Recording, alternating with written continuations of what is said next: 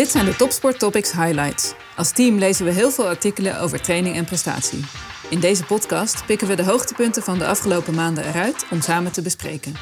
In deze aflevering beantwoorden we een vraag uit de sportpraktijk over complex en contrasttraining.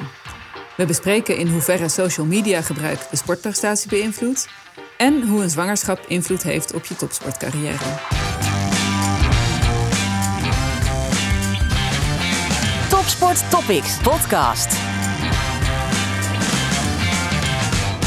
Welkom bij de Topsport Topics Highlights nummer 6 met drie interessante onderwerpen. En zoals jullie kunnen horen ben ik, Willem Paul, vandaag jullie host, want onze grote vriend Kees is ziek.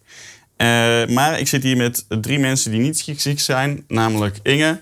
Je bent Ja. goed hersteld afgelopen weekend. Ja, ik was afgelopen week ziek inderdaad, maar eh, ik ben nu weer helemaal eh, klaar voor een goede podcast opnemen. Nou, goed dat je er bent. Ehm, mensen die niet ziek zijn en heel, heel fit zijn, die kunnen gaan roeien dit weekend. Wat heb jij gedaan, eh, Ellen? Ja, Qua ik heb een eh, rondje door Friesland geroeid en eh was erg mooi. De Elfsteden roeimarathon was het. Ja, klopt. Kijk. En wat voor mij een highlight was, maar die hier niet op het lijstje staat, is afgelopen woensdag heeft onze collega Nikki, dokter Nikki Koolman, mag ik eh, zeggen nu, eh, haar proefschrift met eh, verven verdedigd. Nikki, kun je even in één zin, ik weet dat je het kunt, uitleggen waar jij je proefschrift over hebt geschreven? Nou, mijn proefschrift ging over het ontwikkelen van meetinstrumenten om technische en tactische vaardigheden van tennissers in kaart te brengen en ook om meer inzicht te krijgen in die vaardigheden bij jonge toptennissers. Redelijk kort, toch? Ja, zeker. zeker, ja. Nou, hartstikke goed gedaan. We waren als team waren we super trots om jou zo te kunnen zien eh, promoveren. Nou, heel lief. Maar tot, over tot de orde van de dag. We gaan, vandaag gaan we het hebben over complex en contrasttraining. Ja. En dat is naar aanleiding van een vraag van strength and conditioning coach Michiel Reiners van Team NL Centrum Zuid. En Inge, jij bent erin gedoken.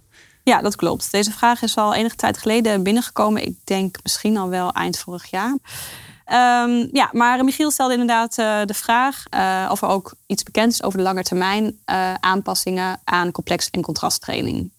En complex- en contrasttraining, dat zijn allebei krachttrainingsvormen. En die onderscheiden zich van de traditionele krachttrainingsvormen. En Ik doe even haakjes in de lucht. Maar met traditionele krachttraining bedoel ik dan waarbij de weerstand opgebouwd wordt in een krachttraining. Bij complex- en contrasttraining begint een sporter juist met zware weerstandsoefeningen aan het begin van een training. En dat wordt opgevolgd door lichte explosieve oefeningen. En het verschil tussen complex en contrast is dan dat een sporter bij een complex training alle zware weerstandssets aan het begin van een training doet. En daarna alle lichte explosieve sets. En bij een contrasttraining is dat om en om. Dus eerst een zware set en vervolgens een lichte set, dan weer zwaar, dan weer licht. Ja. Je normaal gesproken in een training dus zou zeggen van je begint lichter en je bouwt langzaamaan stapsgewijs Ja, op. dat is, eh, dan zijn er allerlei manieren om krachttraining natuurlijk te doen. Dus Ja. dat wordt even gezien als de traditionele manier. Ja. Waarbij je denkt, van, nou, in het begin van de training ben ik dan nog eh, niet vermoeid. Dus kan ik juist die snelle oefeningen doen. Dat zou dan de theorie zijn achter die traditionele krachttrainingsvormen. En hierbij eh, is de theorie anders. Maar ik moet nog even één dingetje zeggen. Die definities die ik net omschreven heb van complex en contrast. Mhm. In de literatuur worden die door elkaar gebruikt. En dat maakt het heel moeilijk om de literatuur over dit onderwerp te interpreteren. Dus het kan zijn als je zelf literatuur over dit onderwerp leest, dat je de definitie andersom leest. Maar kun je misschien eventjes een voorbeeld geven van hoe dat er in de praktijk uit zou zien? Een traditionele versus een complexe of een contrasttraining? Volgens jouw definities? Nou, niet mijn definities. Eh, oh, nou, nee, maar goed, die jij, ja, die ja. jij hanteert Ja, verder. ja dus, bij een, dus wat ik zei, bij een eh, traditionele krachttrainer... dan wordt dus de, dus de eh, zwaarte van... nou, laten we zeggen dat je squats doet... en dan maak je de, de squats gewoon steeds zwaarder gedurende de training. Ja, en dus je doet de, bijvoorbeeld vijf setjes van drie... en je begint op 50 kilo en je eindigt op eh 100 kilo. bijvoorbeeld. Ja. En bij een complex of contrasttraining ehm, doe je dus eigenlijk andere eh, type oefeningen vaak. Althans, hetzelfde type oefeningen, maar je begint bijvoorbeeld met zware squ- squats, bijvoorbeeld 80, 85 procent van 1RM. eh, en vervolgens doe je counter movement jumps. Oh ja. Ja. Dus daarna. Hoge snelheid, lichtgewicht. Ja, precies. Maar wel dezelfde, dat is wel belangrijk. Dezelfde spiergroepen, dezelfde type beweging. Oké. En de vraag van Michiel was dus, zijn er lange termijn adaptaties? Ja, daar zou ik zo meteen wat verder op ingaan. Maar eerst even misschien de theorie. Waarom is dat nou te verwachten? Dan ga ik even voorbij aan de, aan de, de fysiologie. Heel plat gezegd is, ehm, is het zo dat je door die zware weerstandssets te doen... dat je de spier als het ware activeert. Eh, waardoor je vervolgens eh, meer kracht, snelheid, vermogen kunt leveren. Nou, je kunt je voorstellen als je dat meerdere keren doet, dus niet één training, maar meerdere trainingen per week, meerdere weken lang, dat je dan door die grotere trainingsprikkel ook uh, op lange termijn dus meer adaptaties zou kunnen zien. Nou, als je dus in de literatuur kijkt, dan blijkt dat voor complex training uh, niet het geval te zijn. Dus nogmaals, complex training voor de, volgens onze definitie, dat is eerst alle weer, zware weerstandsets aan het begin, daarna alle lichte, explosieve oefeningen. Nou, daarvoor zeggen ze dat is eigenlijk geen voordeel boven de traditionele krachttraining. Uh, contrasttraining, daar, uh, ben, daar is de literatuur wat positiever over, maar wel voorzichtig positief. Uh, daarvan zien we dat sporters hoger gaan springen en een hogere pieksnelheid hebben en een lagere sprinttijd. Als ze dit een langere periode gedaan hebben in vergelijking met de traditionele krachttraining. Maar ik zeg wel voorzichtig positief, want deze resultaten zijn gebaseerd op uh, de meest recente meta-analyse in. Maar daar zijn eigenlijk niet heel veel studies in meegenomen. En na die meta-analyse zijn nog twee studies verschenen, waarbij de ene studie de meta-analyse onderschreef, maar de andere studie niet. Dus vanuit wetenschappelijk oogpunt zou ik zeggen, ik zou graag nog wat meer literatuur zien voordat ik echt zeg, ja, dit, is, dit werkt. Maar vanuit uh, de sportpraktijk zou ik zeggen, nou, er is zeker potentie in deze manier. De krachtmaten die, uh, uh, zijn hetzelfde als bij traditionele krachttraining. Maar die explosieve maten die hebben mogelijk een hoger voordeel van een contrasttraining. Ja, dus het klinkt ook in mijn hoofd een beetje als post-activation potentiation. Wat we ja. wel behandeld hebben, denk ik. ja, dat, dat klinkt zo, maar het is toch net iets anders. Want wat is. Dit is, heet dan PAPE. Uh, dat staat voor Post-Activation Performance Enhancement. Uh, eigenlijk zijn PAP en PAPE, uh, wat je in de praktijk ziet, hetzelfde. Namelijk een zware weerstandsoefening zorgt ervoor dat je meer snelheid en vermogen kan leveren daarna. maar de fysiologie die daarachter achter zit is anders. bij de ene kan je juist je spieren beter samen trekken. En bij PAPE is het juist een betere aansturing vanuit de hersenen. En dat maakt ook dat het moment waarop dat optreedt anders is. Dus eh, PAP is direct na die zware weerstandsoefening heb je een verbetering op basis van PAP. En PAPE enkele minuten later en dat houdt wat langer aan. En over hoe lang hebben we het dan? Die, uh, nou ja, PAP is echt een nou, enkele seconden nadat je gestopt bent, ongeveer drie minuten. En PAPE, dat ja, start ongeveer twee tot zes minuten na het staken van de oefening en houdt dan uh, uh, een minuut of tien aan. Okay. En, en wanneer zou je dit dan in kunnen zetten in de praktijk? Ja, nou ja, ik zou met name de sporters die, die, waarvan het belang is dat je explosiviteit traint. Daarvoor zou dit dus handig kunnen zijn. En of het dan gebruik maakt van pap of peep, dat maakt in principe eigenlijk niet, niet uit in die zin. Je zorgt er beide voor dat je dus een uh, uh, verbetering hebt in die, in die snelheid en in het vermogen. En dus een grotere trainingsprikkel. Uh, maar dat zijn situaties, dat zijn sporters waarvan ik denk, nou, als je dus echt explosiviteit nodig hebt in je, in je programma, dan zou zo'n contrasttrainingsvorm Ehm, mogelijk, ik blijf voorzichtig, dan zou dat dus mogelijk een voordeel kunnen bieden. En, en wat je dan zou kunnen doen, ik, ik, eh, heb hier eventjes voor me geschreven een voorbeeldje hoe je dat zou kunnen doen. We hadden het net al eventjes over squats en counter movement jumps. Dus het gaat er dan echt om diezelfde spiergroep, uh, dezelfde type beweging. Uh, eerst squats, dan een aantal minuten rust. Ik heb hier vier minuten opgeschreven. Dat schijnt echt een goed, goed moment, goede rustpauze te zijn. Uh, en dan vervolgens dus uh, de counter movement jumps doen. Nou, weer rust en dan herhaal je dat. Nou, ja, voor de luisteraars die kunnen niet zien dat Inge hier hele mooie aantekeningen heeft. Ja, hele mooie infographic getekend. Het, uh, het, ziet er heel mooi uit. En de getallen zijn ook best wel, wel veelbelovend. Want dit is natuurlijk wel niet alleen maar topsporters die in de meta-analyse zijn meegenomen. Maar als je bijvoorbeeld kijkt naar de spronghoogte, nou, daar lieten ze zien dat mensen die langere tijd die contrasttraining gedaan hadden, dat die zich 16% verbeterden versus 5% in de groep die uh, de traditionele krachttraining deed.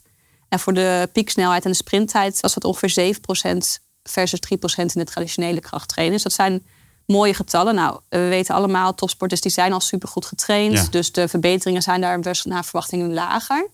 Uh, maar in deze meta-analyse zijn ook goed getrainde sporters meegenomen. En dan zag je wel duidelijk diezelfde trend. Dus ook echt dat die contrasttraining um, ja, uh, beter was. Maar na een aantal weken dan, hè? Als je, ja, ja, ja, zeker, ja, zeker.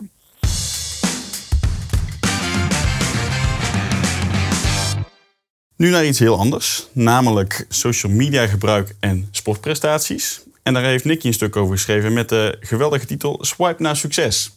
Topsporters zijn tegenwoordig publieke figuren, online persoonlijkheden. Voorbeelden zijn denk ik uh, Jutta Leerdam en uh, Suzanne Schulting, de grand dames van de schaatsport natuurlijk. Uh, dus het wordt steeds belangrijker. Nicky, vertel eens, wat heb jij over dat social media gebruik in sportprestaties gevonden? Nou, allereerst wil ik ook wel even de credits geven aan uh, ChatGPT voor, voor deze leuke originele titel. Maar. Uh, en nu wek je de indruk dat we alles met ChatGPT Nee, dat is. Nee, ik dat heb, gaan we nog doen. ik heb natuurlijk de, de literatuur search heb ik natuurlijk uh, zelf gedaan. En nee, waar ik, naar, waar ik naar heb gekeken, en dat komt eigenlijk ook wel een beetje doordat er steeds meer ook wel in de media verschijnt over het gebruik van social media. En sporters die natuurlijk veel op social media zitten, waardoor ook wel mensen zich, zich gaan afvragen van goh, wat is nou het effect op sportprestaties op het moment dat je vlak van tevoren voor een training of wedstrijd gebruik maakt van social media. Nou, als je kijkt naar het effect van social media gebruik, zijn er eigenlijk relatief weinig studies die daar op dit moment naar hebben gekeken. Mm-hmm. um, dus dat, is, dat maakt het natuurlijk al lastig om daar echt uh, conclusies uh, aan te verbinden. Um, maar als je het hebt over een trend en welke richting het opgaat, dan is er één onder, onderzoeksgroep die daar nu wel meer onderzoek naar doet en heeft gedaan. En die heeft eigenlijk in verschillende studies wel gekeken van wat als sporters vlak voor een training of wedstrijd, bijvoorbeeld 30 of 45 minuten op social media zitten. Dus dat kan zijn Facebook, Instagram, mm -hmm. WhatsApp. Dat zijn eigenlijk de meest gebruikte social media vormen.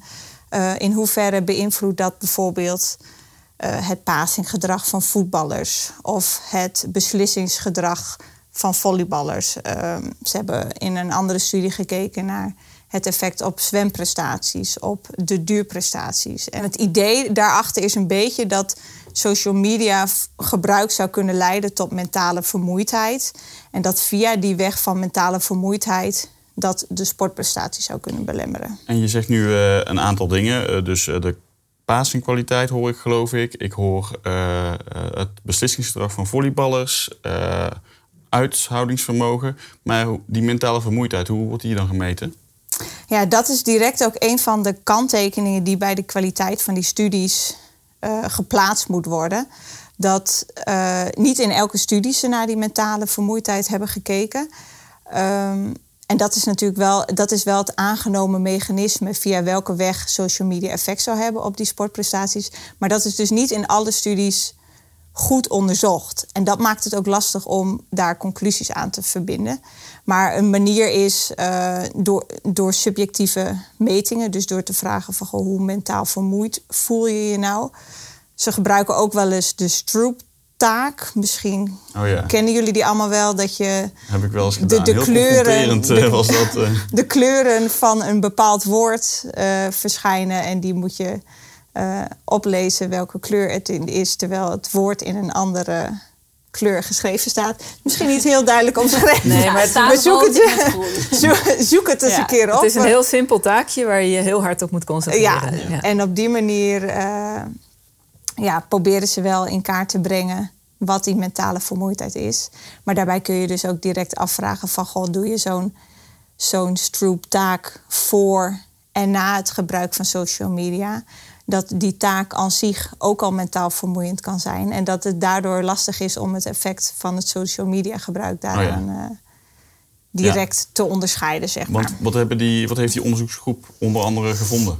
In nou ja, in, in een van de studies hebben ze gekeken van uh, als spelers voor een gesimuleerde wedstrijd gebruik maken van social media, uh, zo'n 30 tot 45 minuten lang, dat spelers minder goede passes gaven dan spelers die geen social media gebruikten. Kijk. En nou ja, dat lijkt natuurlijk van god, dat social media gebruik, dat, uh, dat is niet goed, daar moet je weg van blijven. Uh, maar goed, een kanttekening van die studie is dat er wel uh, 15 minuten zat tussen het moment dat ze, de spelers de telefoons weglegden en de gesimuleerde wedstrijd begon. Oh ja, precies. Want normaal gesproken dan uh, moeten ze nog voorbereiden, zitten ze in de kleedkamer en dan gaan ze warming-up ja. doen. En dat is, duurt allemaal langer natuurlijk. Ja, en het zou kunnen zijn dat het negatieve effect van social media gebruik inmiddels al is uitgedoofd op het moment dat een wedstrijd in de praktijk daadwerkelijk begint. Maar ik denk dat de grootste kanttekening nog wel zit bij de klassificatie van goede basis en beslissingen die de onderzoekers hanteren. Zoals in die studie met de voetballers uh, definieerden ze een goede paas op het moment dat een speler de bal speelde naar een vrijstaande teamgenoot en dit direct of indirect resulteerde in een scoringskans. Of wanneer eh, ze de bal speelden naar een teamgenoot die zich dichter bij de goal van de tegenstander bevond. Maar op het moment dat ze, je natuurlijk met tegenstanders te maken hebt die daar ook weer invloed op uitoefenen, kan het best zo zijn dat een paas naar achteren in een bepaalde situatie een betere keuze is, omdat jouw teamgenoten in zo'n situatie bijvoorbeeld niet vrij staan. En eigenlijk is zo'nzelfde situatie ook in een studie met volleyballers aan de hand, waarbij je ook kunt denken van god, die definitie van een goede paas, daarvan hebben ze gekeken in een gesimuleerde volleybalwedstrijd. Wat is het effect van herhaaldelijk social media gebruik? Dus daar hebben ze acht weken lang, vijf keer per week, hebben ze een groep volleyballers social media laten gebruiken, een andere groep volleyballers niet. Gekeken, goh, wat is nou de ontwikkeling voor de beslissingen in de aanval en de paas. Maar daaruit bleek dus dat de onderzoekers beschouwden een paasbeslissing als goed wanneer de speler de, de paas naar de spelverdeler speelde. En dat is eigenlijk iets wat in het volleybal na 99 van de 100 keer het doel is van de paas. Dus daarbij kun je afvragen van goh, is dat nou helemaal een zuivere beslissing om dat als een goede paasbeweging te klassificeren? Oké, dus, dus eigenlijk ik kan op mijn boerenverstand kan ik wel bedenken van ja, dat moet, je moet niet geen uren uh, social media gebruiken net voordat je een topprestatie wil gaan leveren. Maar ik hoor jou zeggen met de ecologische validiteit, die jij hoog in het vaandel hebt staan, heb ik afgelopen woensdag gehoord. Ja. Met de vertaalbaarheid naar de daadwerkelijke topsportpraktijk is er met het onderzoek schort er nog wel wat aan. Ja, daar schort het nog wel wat aan. Maar ze hebben wel, nou ja, er zijn best wel een aantal studies waarin ze dus wel met name naar dat beslissingsgedrag hebben gekeken. En daarin zien ze wel telkens een trend van spelers maken over het algemeen slechtere beslissingen. Waarbij ja, de, de, de definitie van slechte beslissingen wel iets is waar je over kunt discussiëren.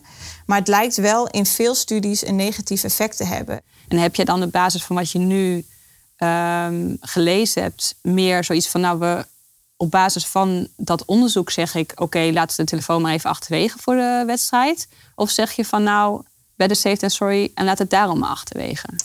Nou, ik denk, er zijn inmiddels ook wel studies waarin steeds het studiedesign ook wel iets is verbeterd. Dus wat in eerste instantie een vraagteken was ook van... ze hebben überhaupt niet naar mentale vermoeidheid gekeken. Wat, wat natuurlijk gek is op het moment dat de aanname van de onderzoeksgroep is... dat dat mhm. de weg is waar via social media effect zou kunnen hebben op die sportprestaties.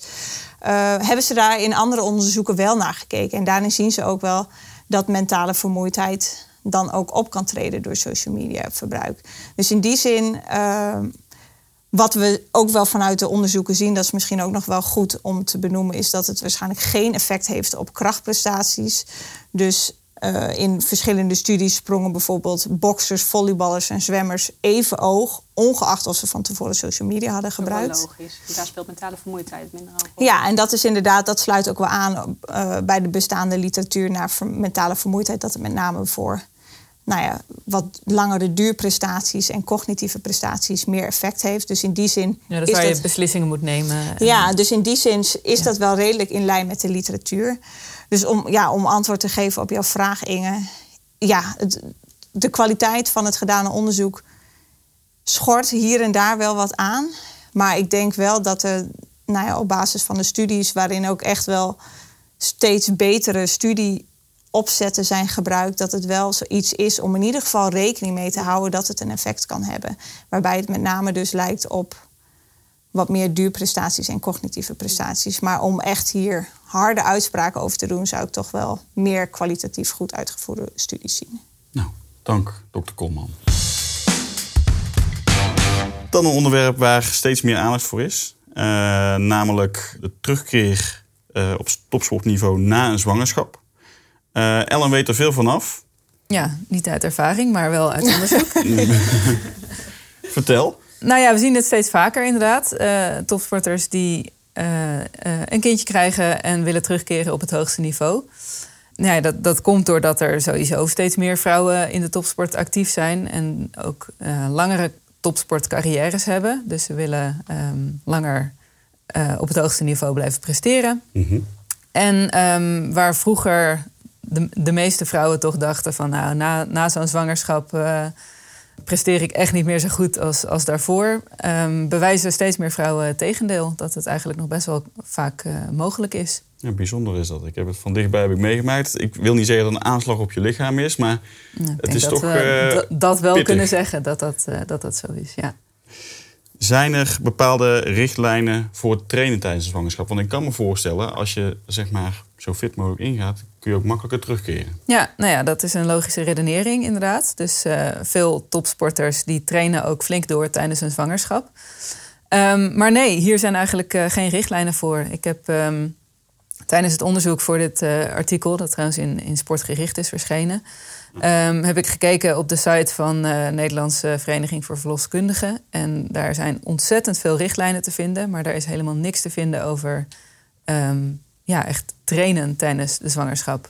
En als je het dan hebt over krachttraining, je hoort toch altijd wel dat zwangere vrouwen daarmee moeten oppassen. Is daar vanuit de wetenschap ook bewijs voor? Of Nee, eh, nou ja, ik zei net inderdaad, er zijn eigenlijk geen, geen richtlijnen. En de richtlijnen die, die er zijn, die zijn niet echt gericht op, eh, op topsporters.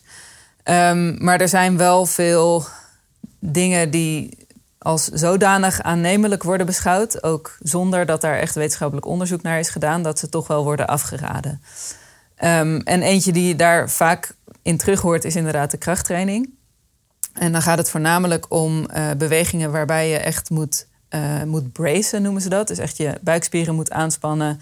Veel druk opbouwt in je, in je eh, buikholte en in je borstkas. Bijvoorbeeld tijdens een zware squat of een zware deadlift. Ehm, en dat zou er eventueel voor kunnen zorgen dat er tijdelijk minder bloed naar de, eh, naar de foetus gaat. Maar daar is eigenlijk niet onderzoek naar gedaan of dat nou daadwerkelijk schadelijk is. Dus het is heel moeilijk om te zeggen of dat nu wel kan of niet kan. Vaak zijn mensen daar dan toch een beetje voorzichtig mee. Van, Ja. nou ja, misschien eh, better safe than sorry? better safe than Ja. sorry, inderdaad. Net als bij het eh, social media gebruik. Ja. Maar nu dus eh, met mogelijk Echt, iets grotere ja. gevolgen.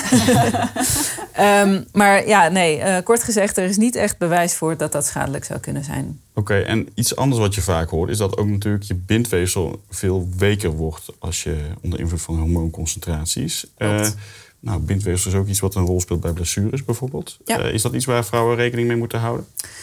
Nou ja, dat is ook weer zo'n eh, gevalletje van. eh, eh, dat wordt gedacht op basis van theorie, maar is in de praktijk niet echt aangetoond. Het is inderdaad wel zo dat inderdaad gewrichtsbanden en zo wat, wat weker, wat soepeler worden. Maar of dat daadwerkelijk tot meer blessurerisico leidt, dat is eigenlijk niet bekend. Nee.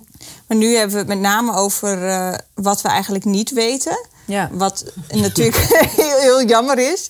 Maar ik kan me voorstellen voor eh, programma's die hier nu naar luisteren... en misschien zelf wel met een eh, zwangere atleet te maken hebben... of misschien zelfs zwanger zijn. Dat je denkt, oké, maar wat, waar kan ik dan wel rekening mee houden? Wat zijn dan dingen waar ik me op kan focussen? Moet ik misschien intensiteit, volume iets omlaag halen... en kan ik voor de rest mijn trainingen draaien? Wanneer is het, ga Ja. ik te ver? Ja, nou ja, ik heb ehm, eh, uit alle artikelen die ik hierover heb gelezen een paar dingen gehaald waar het bewijs wel dusdanig overtuigend voor is dat ik denk van ja, dat zijn wel eh, adviezen eh, die hout snijden, die je, die je beter wel kunt volgen. Dat is in eerste instantie ehm, dat echt heel intensief trainen, dus boven 90% van maximale hartslag, dat wordt af en toe als, als gevaarlijk gezien. Ehm, omdat er dan ook weer eh, minder bloed eh, beschikbaar is voor, ehm, voor, voor de foetus, voor het kindje. Dus met name gevaarlijk voor het ongeboren kind, zeg maar. Ja. ja. Ja, ehm, daarnaast eh, te veel laten oplopen van je kerntemperatuur. Dus als je, ja, je, je kerntemperatuur boven de 39 graden stijgt, met name in het eerste deel van de zwangerschap, als de neurale buis van het kindje gevormd wordt, dat is ook een risico. Dus dat kun je ook beter vermijden. Nu gebeurt dat niet zo heel snel, maar als je echt heel zwaar gaat trainen eh, terwijl het ontzettend warm is buiten, dan kan het wel eens voorkomen dat je lichaamstemperatuur boven de 39 graden stijgt.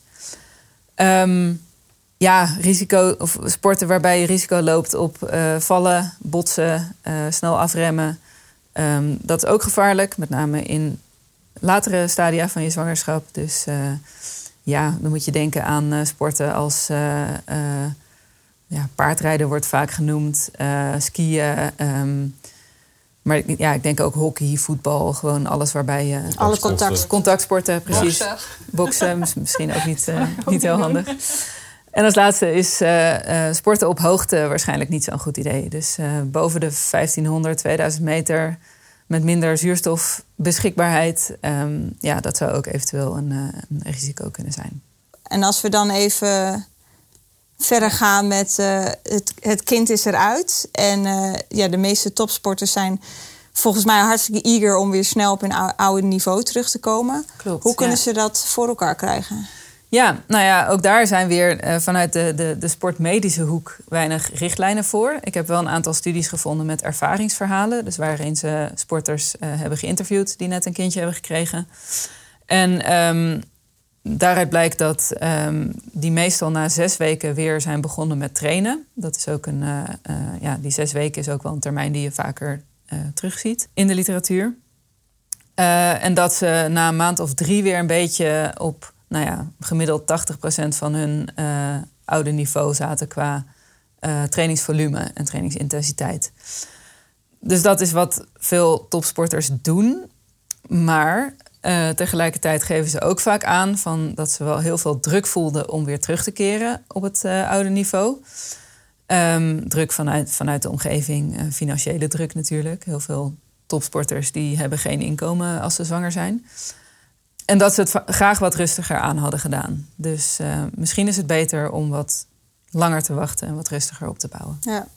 Maar goed, eigenlijk de, de, de meest genoemde eh, klacht van, eh, van vrouwen die terugkeren in de topsport na een zwangerschap is dat het eh, gewoon een hele logistieke uitdaging is. Ja. Wat, eh, Ja. ja. wat doe je met je kindje als je aan het trainen bent, op trainingstage gaat, eh, een toernooi hebt in het buitenland? Als je wil Ehm, voeden en je moet op een bepaald ja, inderdaad. trainen. Borstvoeding ehm, wordt vaak wel gecombineerd met training, maar dat is inderdaad eh, best wel een uitdaging. Nou, we weten trouwens wel uit onderzoek dat ehm, het echt best wel goed mogelijk is om weer je oude niveau te bereiken na zwangerschap. Eh, dat hebben ze onderzocht bij hardlopers. Ehm, bijvoorbeeld bij marathonlopers, die hebben ze eh, gevolgd. Nou, ze hebben eigenlijk gekeken naar de top 150 van alle eh, vrouwelijke marathonlopers. Ehm, en daar bleek dat echt meer dan de helft, eh 70% van de lopers die tijdens hun carrière een kindje kregen, hun PR liep nadat ze zwanger zijn geweest. Dus ehm, nou ja, dat is in ieder geval wel een, een hoopvolle boodschap voor vrouwen die, eh, die terug willen keren in de topsport. Zit er ook nog selectie eh, of overlevingsbias? eh Ja, natuurlijk, want ja, su- eh, su- survivalship bias noemen ze dat? Survivorship bias noemen ze dat inderdaad. Ja, inderdaad. eh, je, kijkt natuurlijk naar eh, sporters die überhaupt zijn teruggekeerd. En als vrouwen echt hele grote fysieke problemen hebben ondervonden na hun zwangerschap, dan, eh, dan proberen ze waarschijnlijk niet eens meer terug te keren. Dus ja, inderdaad, die, eh, die neem je daarin niet mee. Oké, helder. Nou, dankjewel Ellen. Een eh, belangrijk onderwerp, denk ik. Eh, dat was het laatste onderwerp voor vandaag alweer, denk ik, eh, jongens. Ja, Ehm, klopt. Dank eh, voor jullie bijdrage. Jij voor je stand-in eh, performance. Ik heb mijn best gedaan. Leuk dat je hebt geluisterd naar de Topsport Topics Highlights. De artikelen die we net hebben besproken staan in de show notes. Nog veel meer artikelen over sportwetenschap vind je op topsporttopics.nl. Vond je deze podcast interessant? Deel hem dan vooral met andere sportliefhebbers. We vinden het ook fijn als je een review achterlaat. Topsport Topics podcast.